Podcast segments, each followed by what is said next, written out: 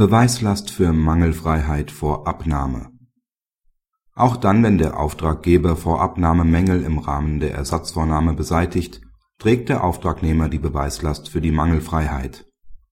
Der Auftragnehmer hat die Betonsanierungsarbeiten für ein Parkhaus in Auftrag. Bereits unmittelbar nach Einbringung des Betons zeigen sich Risse, die der Auftraggeber als Mangel rügt.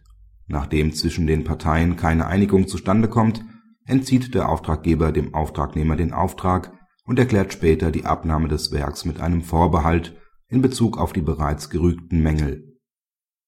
Im Rahmen der Mangelbeseitigungsmaßnahmen im Wege der Ersatzvornahme treten Mangelerscheinungen zutage, die weit umfangreichere Maßnahmen nötig machen. Der BGH bestätigt, dass der Auftragnehmer die Mangelfreiheit seines Werks auch vor Abnahme nachweisen muss, wenn der Auftraggeber vor der Abnahme Ansprüche wegen Mängeln verfolgt auch nach der Abnahme kommt es daher nicht zu einer Verlagerung der Beweislast für den Auftraggeber, wenn durch einen Mangelvorbehalt es an der Annahme der Leistung als Erfüllung fehlt. Auch eine Mangelbeseitigung im Wege der Ersatzvornahme führt nicht automatisch zur Umkehr der Beweislast. Allenfalls kann eine Umkehr der Beweislast nach den Grundsätzen der Beweisvereitelung geboten sein.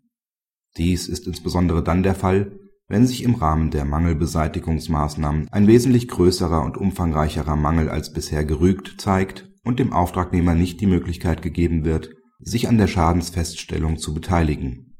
Diesbezüglich zeigt der BGH zwei Lösungswege auf.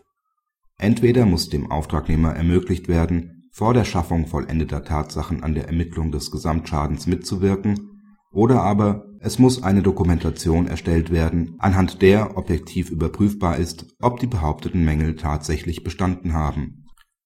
Praxishinweis Auch wenn der BGH zwei Lösungswege zur Vermeidung der Beweisvereitelung anspricht, darf nicht verkannt werden, dass der sicherste Weg immer noch ein selbstständiges Beweisverfahren ist, um den Umfang der Mängel, die Ursache und die erforderlichen Kosten der Mangelbeseitigung festzustellen die vom BGH angesprochene Dokumentation kann aber auch ein vereidigter und öffentlich bestellter Sachverständiger im Rahmen eines Privatgutachtens für den Auftraggeber übernehmen